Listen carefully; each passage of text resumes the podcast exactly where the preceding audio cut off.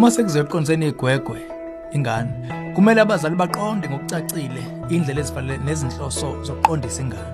Ukuqondisa ingane kukuyifundisa ingakho ukuqina kwesandla kweqe kungenayithelo. Nanxa kungalula futhi ukwela kunoxhakala khona ingane ingafuni ngabomu ukulalela. Sizoletha amasa athe xaxa ngalesi sihloko khona la ohlelweni ezomndeni. Ngakho hlala nathi ungasuki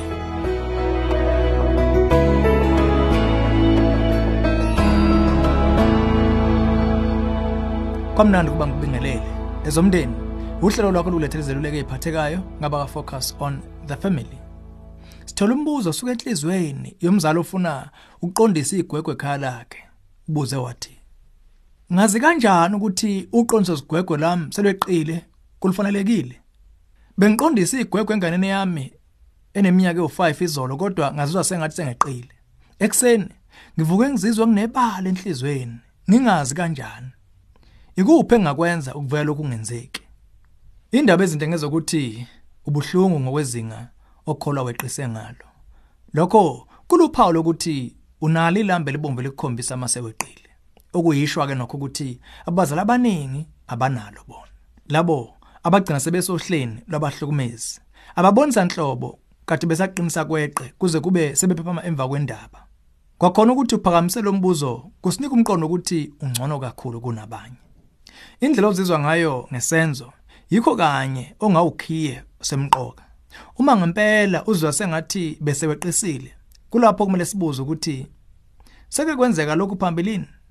Swakwana inkinga ukulawula imizwa enhliziyo yakho phambilini? Kukhona emndeni wakho ebengabaleka kube ingxenye yongqubuzana kulesi simo? Hlobo luni lokudonseka nezingcindezi obhekana nazo ekhaya? Ukusebenza kweqe ukuba imvithi nengcindezi kungaba nomthelela kulobunzima balolu hlobo. Uma ukholwa ukuthi unenkinga yokulawula ukucasuka kwakho sengincusela ukuba ubona nongoti olomkhakha sicela ufonele lomnyango wezokweluleka efocus on the family ukuxhumana bangaba seduze nawe. Sishayele ku031 716 3300 kumbe ungene ku safamily.co.za bese ticofo ku counseling link. Okwamanje kungasiza ukuhlonisa phakathi kwegama okufanele nelithi okungafanele. Nakho ngadla ngakho amathambo engqondo ngalolu daba usayihlela. Okokuqala okukhiye futhi ukubalansisa ukuqondisa igwegwe enganeni. Ukubalansisa uthando nongamele kweqiwe. Ukuvumela ingane yenze ngokucabanga kwayo ngokungakhalinywa akuwona umuzwa wothando lowo. Ukuba nesandla siqine kweqa ubedlapha uyiqhoqhobele ngemithetho kweqe akusikho kufanele ngokukala izinga ongamele ileqe. Ziningi inkinga engagwemeka uma abazali bethatha iqhaza lobuholi ekhaya. Ngokusobala komqondo kumele uswazi lusebenza uma ingane yenza ungalali ngamabomu kumbe ngenkani yayo. Kodwa kulona olokunganako obungane nje. Akumele nangengozi lulethwe kanzima engane engaphansi kwa18 wezinyanga. Kusuke ingane ezino3 kuya ku5 eminyaka abazali sebengasebenzisa ukuyithintitha.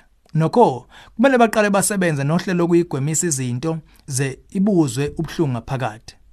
Uma baba nomama bejwayele inqubo njalo njalo kuya ngokuya kwehla izinga lokuba ingane ihloniphe. Esikhundleni sokulinda inkinga zama ukubhadama ingane yakho yenze kahle. Akuyibona yenza kahle ungade uyibala bese sukulumbe uhlele isidlo sokuyincoma neyomndeni hlala emadweni akho. Ngeke uhlale izikhathi zonke wazi ukuzosebenza ingakho ulidinga usizo lwenkosi izikhathi zonke. Munye kuphela umzali oqonda kangcono amadodana amadodakazi ethu ebusweni bomhlaba. Funa inhlakanipho yakhe insuku zonke kumele kube seqhulwini kubo bonke abakhulisa izingane zabo. Lolu hlelo ezomndeni ulethulelwe yifocus on the family sihlangabezwa hlelo luzayo sesihlabelisa phambili umndeni wakho.